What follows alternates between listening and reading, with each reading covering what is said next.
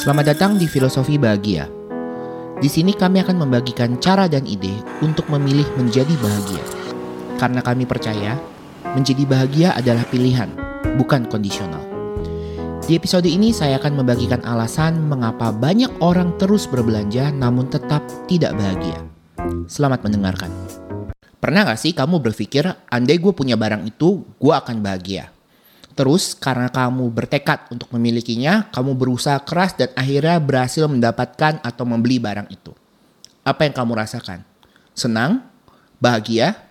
Seberapa lama sampai kamu mulai scroll timeline lagi atau nonton konten online lagi, terus melihat ada orang atau ada influencer menggunakan atau memiliki sebuah barang dan kamu mulai berpikir, kalau aja gue punya barang itu, gue pasti akan bahagia. Yang parahnya, pada saat itu kamu sudah mulai tidak merasakan kebahagiaan atas barang yang baru saja kamu berhasil beli. Serasa hilang karena kamu mulai berpikir untuk mendapatkan barang lain. Apa yang salah di sini? Apakah barangnya salah? Ataukah orang yang kamu lihat pakai barang itu yang salah? Atau sosmed atau konten itu yang salah? Sosmed dan streaming video platform sudah menjadi bagian dalam kehidupan modern kita. Dan kita harus bisa menggunakan secara bijak agar dapat memberikan value dan rasa bahagia. Contohnya, kamu bisa menggunakan sosmed untuk networking, untuk mendapatkan wawasan atau pengetahuan, atau bahkan untuk mendapatkan penghasilan tambahan. Begitu juga dengan streaming video platform. Kamu bisa mencari hiburan untuk mendapatkan pengetahuan dan juga untuk mendapatkan income. Terus apa dong solusinya untuk supaya nggak baperan ngelihat barang-barang yang dipakai orang? Kalau kamu memang suka jelesan, ya jangan follow orang yang suka pamer. Kalau kamu nggak bisa kontrol kebiasaan belanja kamu, jangan follow orang atau account yang terlalu sering promo. Bukan hal terbaik yang bisa kamu lakukan tapi dengan memberikan batasan dan pilihan untuk apa yang kita lihat, kita juga bisa mengatur perasaan dan pola pikir kita. Pastinya ini tidak melindungi kamu sepenuhnya dari exposure iklan dan promosi.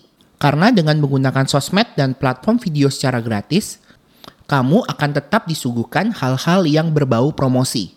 Karena memang begitulah cara perusahaan sosmed dan cara influencer untuk mendapatkan keuntungan ada pertanyaan-pertanyaan yang bisa kamu tanyakan kepada diri kamu sendiri setiap kali kamu mulai menginginkan untuk membeli suatu barang. Nah, kuncinya di sini adalah menanyakan kepada diri sendiri setiap kali kamu mulai menginginkan ya. Bukan ketika kamu sudah mau beli. Biasanya kalau sudah mau beli itu udah telat untuk menanyakan hal-hal ini.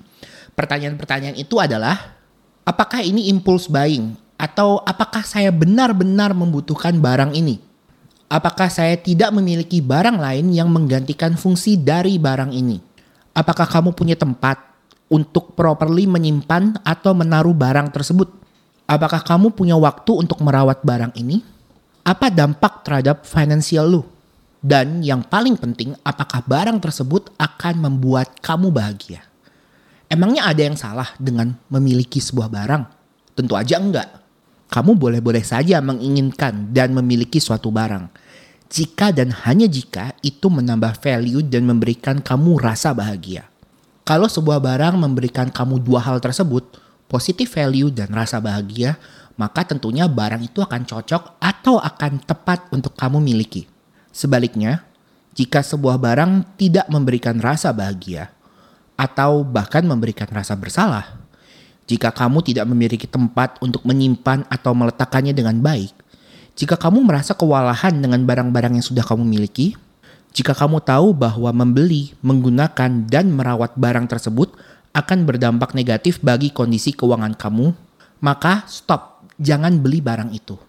Jangan sekali-sekali membeli barang karena gengsi, atau karena orang yang kamu lihat atau kamu idolakan memiliki atau menggunakan barang tersebut. Lebih-lebih karena kamu ingin mendapatkan status karena memiliki barang tersebut. Hal-hal ini akan menyebabkan kamu mendapatkan dampak negatif di kemudian hari. Bijaklah menggunakan sosmed dan mengkonsumsi konten online di segala platform. Lindungi diri dan pikiran kamu dan sadarlah bahwa kamu akan terus dibombardir oleh iklan dan promosi. Tapi pilihan itu akan selalu ada di tangan kamu. Take control atas pilihan dan cara belanja kamu.